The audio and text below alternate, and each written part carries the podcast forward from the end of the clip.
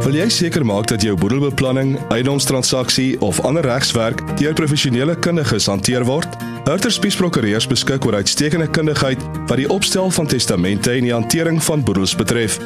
Hurter Spies Prokureurs het ook bekendheid verwerf vir hulle sukses met litigasie oor jou burgerregte. Kliënte se unieke behoeftes word deeglik deur kundiges op elke terrein hanteer.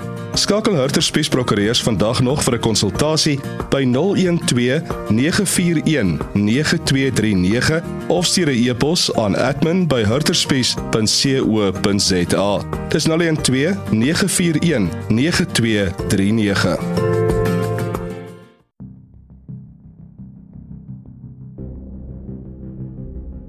Jy luister na Isak Du Plessis op Nuuspot. Die ANC se nasionale uitvoerende komitee hou die naweek 'n buitengewone vergadering en die verwagtinge is dat daar vuurwerke gaan wees. Dit volg na president Cyril Ramaphosa se brief van die ANC waarin hy korrupsie voor die deur van die party self lê. Boonop moet sekretaris-generaal Ys Magashule voor die integriteitskomitee verskyn en die president wat volgens alle aanduidings 'n beleerde man op die oomblik is, het die noodwendige reaksie vanuit sy brief ontlok. Eers het Tony Yengeni hom sommer blaatant gevra om self op sy te staan soos wat hy ander partylede aanbeveel om te doen. En oud-president Jacob Zuma het in 'n brief aan Ramaphosa skerp te velde getrek teen dit wat hy gesê het.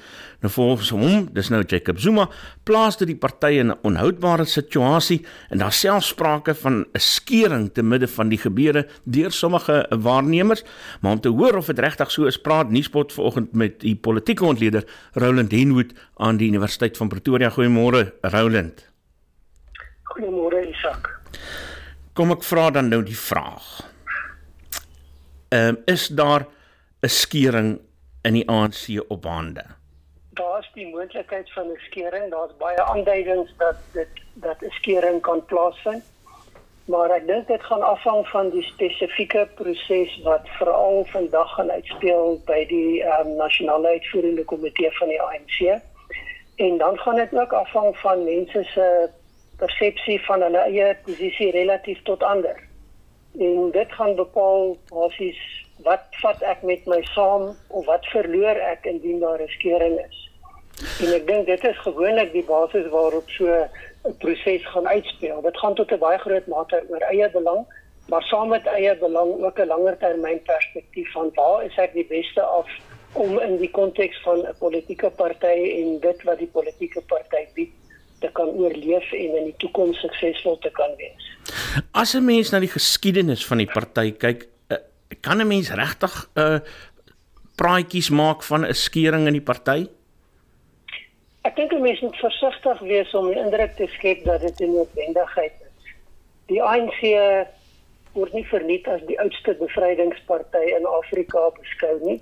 Ehm um, het 'n lang geskiedenis, het 'n onstuimige geskiedenis maar het dan geslaag om deur tye van swaar kry en tye van interne konflik en verdeeldheid nog steeds by mekaar te bly en as 'n party te oorleef en suksesvol te wees. Ehm um, maar ek dink mens moet ook in gedagte hou dat daar 'n geskiedenis van konflik in die ANC is wat gelei het tot mense wat weggestap het van die ANC. Ehm um, nie die beskering wat die party letterlik in twee deel nie, maar daar's voortdurend afsplitsings as net terug gaan kyk in die geskiedenis.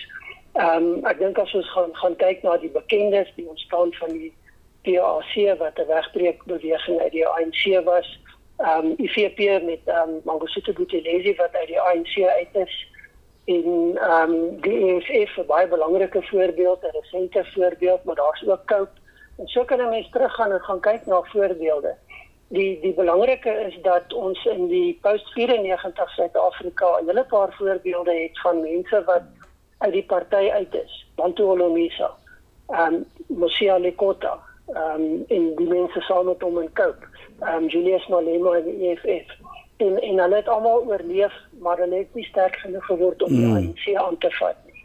En, en en dit is hoekom ek sê mense moet versigtig wees en sien hoe die proses uitspeel. Maar maar dat daar die grond die die beginsels van ernstige konflik is baie duidelik uiteengesit vir al die afgelope klompie ure.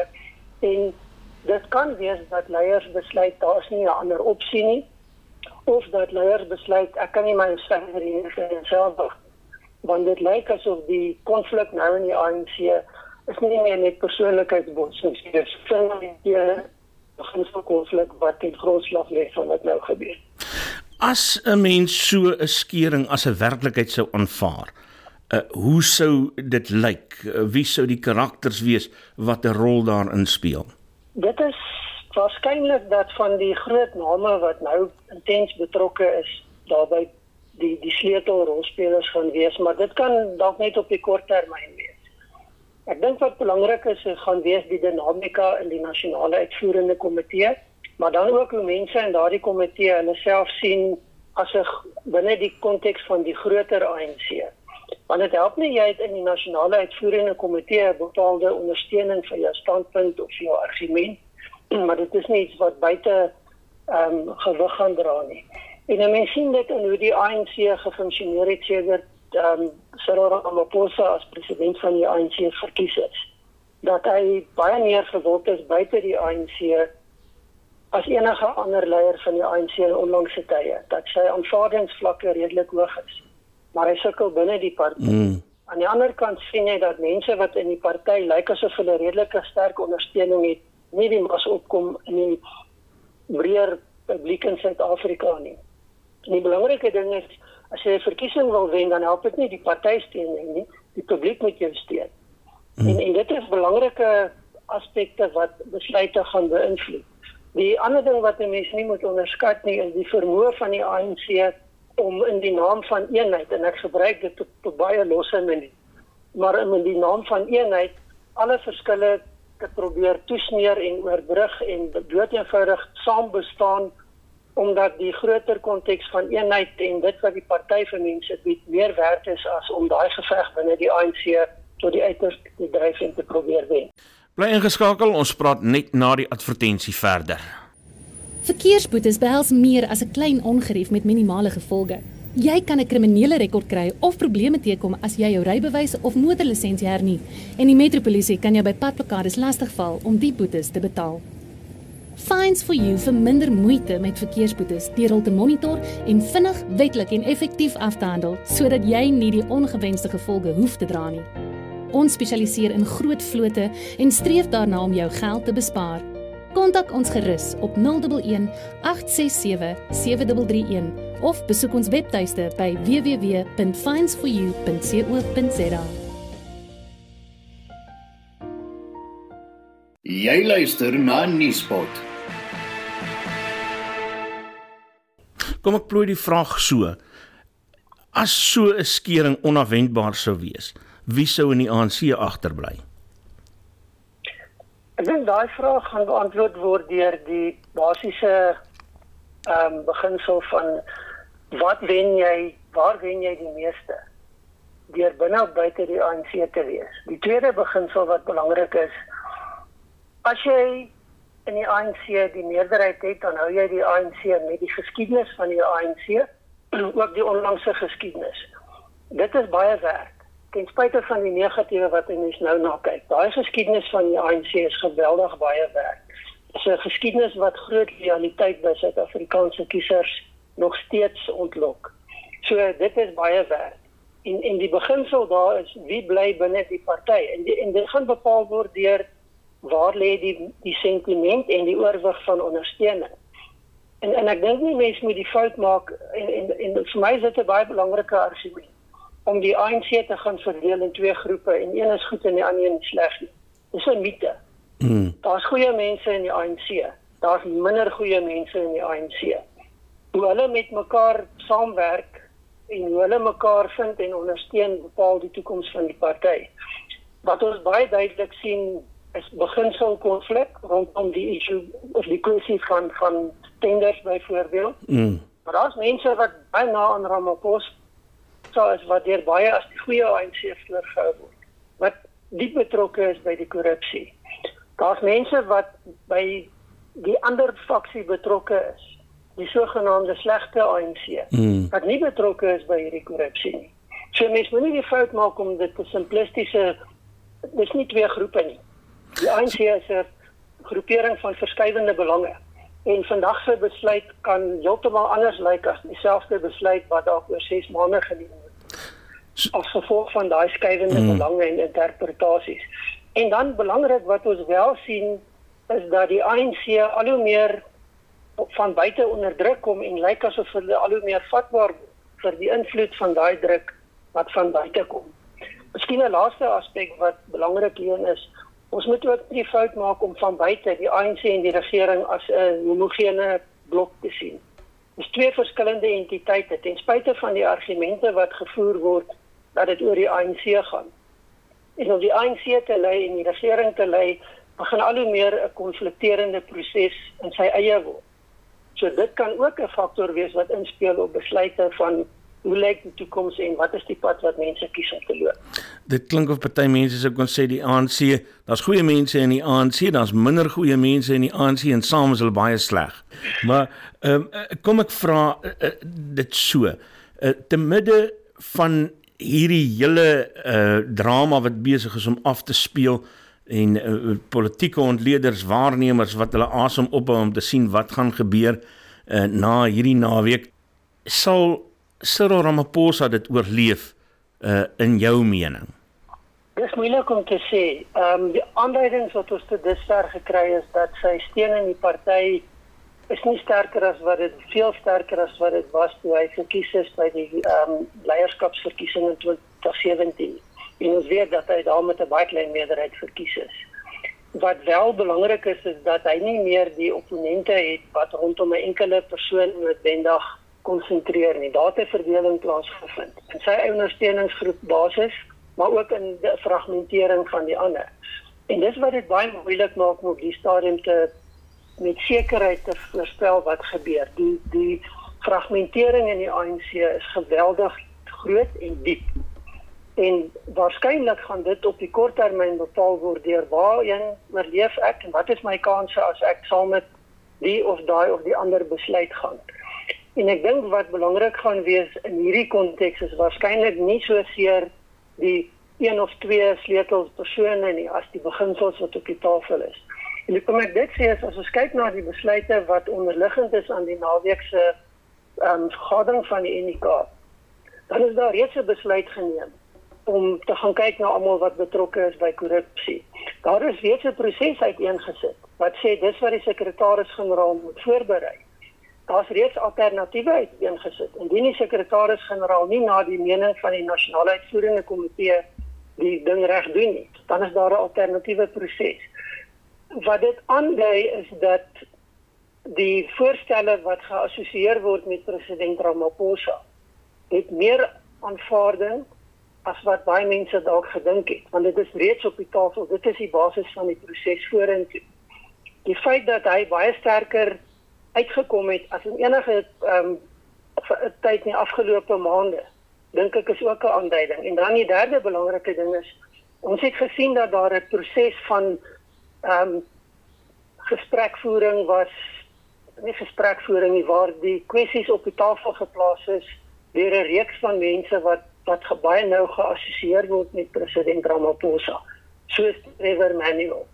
Nou dis nie mense wat noodwendig binne die NUK soveel aansien en ondersteuning gaan geniet nie. Maar wat dit vir 'n mens sê is dat hier 'n proses is van klimaatskepping, van voorbereiding mm. iets gaan gebeur. En dit gaan 'n invloed hê op hoe die NUK sy hand gaan speel en gaan wys. Ehm um, die brutale magspolitiek dink ek van die vorige era gaan waarskynlik nie vandag deurslaggewend wees nie. Dit lyk vir my eerder of die beginsels en die baie belangrike vrees vir volgende jaar se plaaslike regeringsverkiesing belangriker gaan wees. Indien dit so is, dan versterk dit die hand van Cyril Ramaphosa. Mm. Indien dit nie so is nie, dan gaan dit vir hom baie moeilik wees. Bly ingeskakel, ons praat net na die advertensie verder.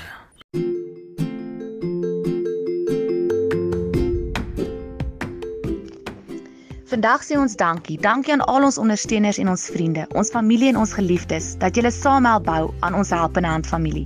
By Helpende Hand bou ons nie 'n besigheid nie, ons bou 'n familie.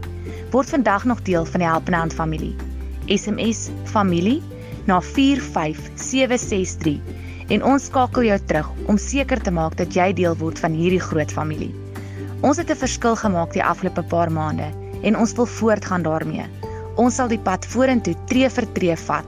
Help ons om ons gemeenskappe te versterk en op te bou. Jy luister na Nuuspot.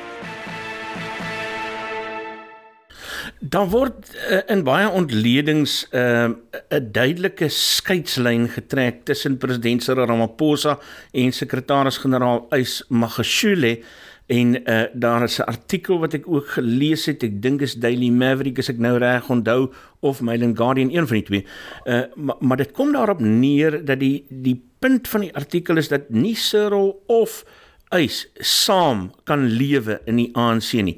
My vraag is is dit so eenvoudig om 'n lyn tussen Cyril Ramaphosa en Ys Magashule in die ANC te trek soos wat daar voorheen tussen Zuma en Ramaphosa getrek is?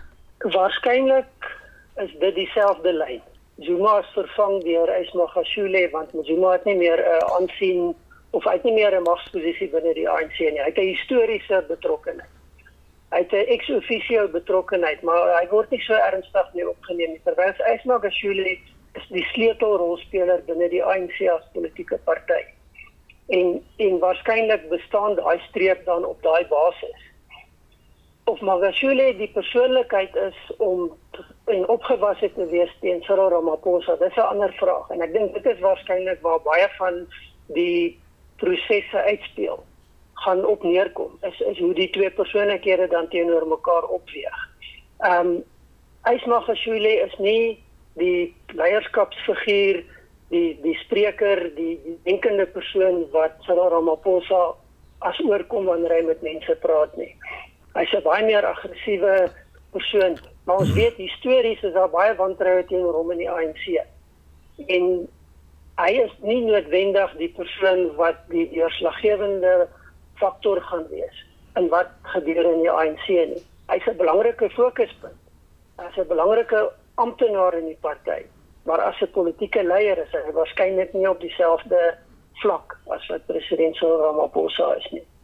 Jy het nou iets gesê oor president uh, oud president Jacob Zuma uh se teenwoordigheid in die party. Ek wil nou juist vir jou vra na aanleiding van die feit dat hy 'n brief geskryf het, daai historiese rol van hom uh, uh, is daar enige gewig nog daaraan? Ek dink die enigste rede hoekom daar soveel aandag en gewig gaan is is dat daar is nie 'n ander gesig wat teen president Ramaphosa op die stadium gebruik kan word wat effektief gaan wees nie. En en die ANC weet dit.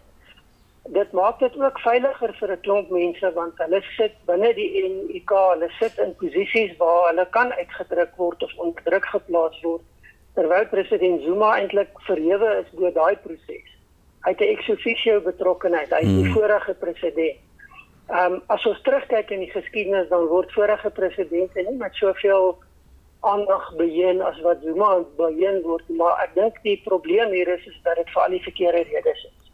Die enigste oud leier wat werklik 'n mate van aansien nog het is Galema Motlanthe. Maar die rede waarom hy daai aansien geniet is omdat hy as onkreukbaar beskou word en hy meng hom nie in met die dag tot dag politieke en, en sake van die ANC nie. Ehm um, so so dis die rede. Die ander ding is dat die groepering wat rondom president Zuma gevorm het is besig om uitmekaar te spat. Hmm. Min van daai sterk leiers het nog enige magsposisies. Ehm um, die KwaZulu-Natal se leierskap het geskuif. Noordwes het nie meer daai leierskap nie. Die Vrystaat sit in 'n groot gemors met groot verdeeldheid en konflik en Ismagashule is die man wat dit bymekaar hou, maar hy is onder soveel druk dat dit onwaarskynlik is dat hy op sy eie iewers gaan kom. En dan baie belangrik, David Mabuza het hulle die rug toegekeer. Hy is besig met sy eie ding. Hmm. Hy is nie meer deel van daai pakkie wat soveel kon mobiliseer en druk kon uitoefen op 'n direkte manier nie. En ek dink die feit dat president Zuma of voormalige president Zuma daai brief geskryf het, sê vir 'n mens hoe groot is die kommer, maar ook die gebrek aan leierskap in 'n groepering in die ANC wat met daadwerklike ehm um, pogings kom. Tensy en dis baie belangrik want dit weet mense nie. Tensy daar 'n baie goed georkestreerde poging wat voor die tyd baie mooi uitgewerk is. Maar dan moet dit mense insluit wat binne die die um, kabinet van Cyril Ramaphosa sit wat binne die hoogste besluitnemingsstrukture sit. en ek sê nie dit is nie maar ek noem 'n naam. Mm. Senior minister van Kossazana Dlamini Zuma. En daar's baie aanduidings wat sê maar sy gaan nie daai rol speel nie. Sy gaan nie in daai ding betrokke raak op die stadium teen Cyril Ramaphosa. Ja. Ek het toe ek die week gekyk het na president Cyril Ramaphosa se vraag en antwoord sessie in die parlement en hy vir John Steenhuisen geantwoord het, tog die indruk gekry uh, dat dat hy op een of ander manier 'n greep het op uh die planne teen korrupsie um, of kyk ek iets mis? Ja, ek dink ehm uh, daar is definitief aanduidings. Soos ek sê, die die NEK kom nie hierdie naweek bymekaar op die basis van sommer net 'n nog 'n vergadering nie. Dis die hmm. tweede vergadering kort na die vorige een en daar's reeds bepaalde stappe aangedui wat die ANC sekretaris-generaal moet onderneem. Daar's bepaalde opdragte gegee Ons moet onthou dat hy reeds gevra is om voor die integriteitskommissie te verskyn. So dit sê vir 'n mens dat daar iets goed begin gebeur wat 4 maande terug nie op die tafel was nie, wat dalk 2 maande terug nog nie duidelik op die tafel was nie. So ehm um, die die manier wat dit nou uitspeel, sê vir my dat hier is denke, hier's 'n proses, hier's beplanning gewees. Daar's al reeds 'n bepaalde inkoop. Dit sê nie dat Ramaphosa gaan hier uitstap as 'n groot oorwinnaar en 'n sterker leier nie. Mm. Maar wat dit wel sê is dat daar binne die NIK 'n besef is dat iets gedoen moet word en daar is reeds bepaalde grondwerk in plek om dit moontlik te maak.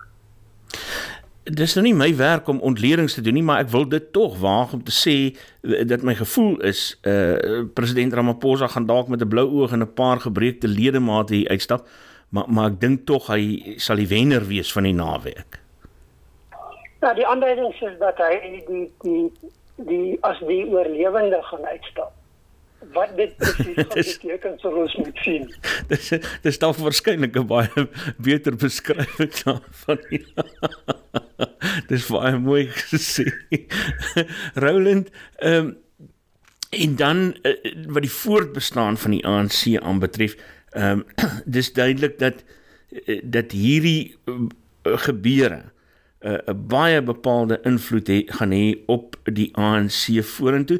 Daar's mense wat sê die ANC is 'n uh, inherent onveranderbaar en uh, korrup. Hulle kan nie verander nie. Ehm uh, wat is jou mening daaroor? Ek dink mense moet versigtig wees. Die die party sukkel met groot leierskapsprobleme, met organisatoriese probleme en dan saam met dit met die probleme van 'n dominante politieke party in 'n omgewing waar die burgerlike politieke kultuur nie noodwendig sterk genoeg ontwikkel het om dit ehm um, teen te staan. Daar is elemente daarvan, maar dit is nie volledig nie.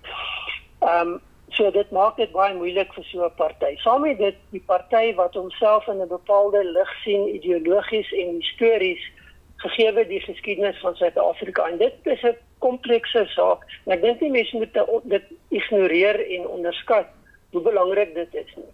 Want wat dit beteken is dat daar's 'n mite wat aan die gang gehou word en wat baie sterk in die ANC gedryf word dat daar is nie 'n alternatief nie. Hmm. As die ANC ondergaan dan is dit die einde van Suid-Afrika.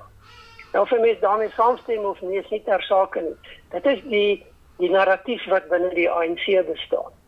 Wat beteken dat die party moet op een of ander manier tot sy sinne kom en moet op een of ander manier met homself afreken. Maar dit moet na binne dan geskied. Dit kan nie na buite geskied nie want dan het jy 'n split in die party en waarskynlik is dit die einde van die ANC as 'n politieke party. So so daar's 'n baie sterk besef en 'n en 'n dryf in die ANC om hierdie goed te hanteer of dit ewe sterk en met dieselfde edele motiewe op alle vlakke is dis ook vir debatteer ek ek wil nie dit noodwendig die die ehm um, die die die, die kern fokus maak nie. So so dit is die ANC se beskouing van homself. Vir die ANC beteken dit en vir die noem dit maar die denkende groep in die ANC dat hierdie is 'n wesens bestaanskrisis. As hulle nie hierdie ding kan regkry nie, dan is dit basies die einde van alles. Ehm um, so daar's groot druk en daar's 'n besef. Saam met dit die praktiese ding. Die ANC is in die moeilikheid 'n jaar voor die volgende plaaslike regeringsverkiesings en onthou hy het in die vorige een baie sleg gedoen. Hy het al die hmm. groot metro's afgestaan. aan nie noodwendig goed funksionerende nie, maar die ANC is nie meer die regerende party daar nie. Saam met dit het hy 'n groot klomp hulpbronne afgestaan.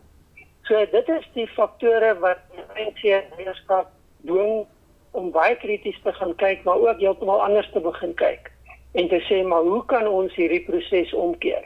Want anders gaan die grootste vrees van die ANC waar word. Hmm. En dit is dat 'n party soos die DA dalk sterker word en 'n party soos die EFF nog sterker word en die IFP nog sterker word. En en dit is 'n dis nie net 'n bestaanskrisis nie, dis een van die grootste vrese van die ANC.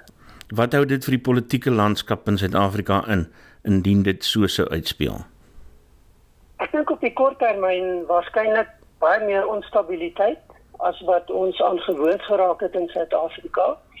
Ehm um, nog erger. ja, ons ek dink nie mense mens moet daar's daar's baie insidente wat as onstabiel beskou kan word, maar in die breë Suid-Afrika sedert 1994 baie polities baie stabiel. Ehm um, veral as jy vergelyk met wat op ander plekke in die wêreld gebeur en gebeur het.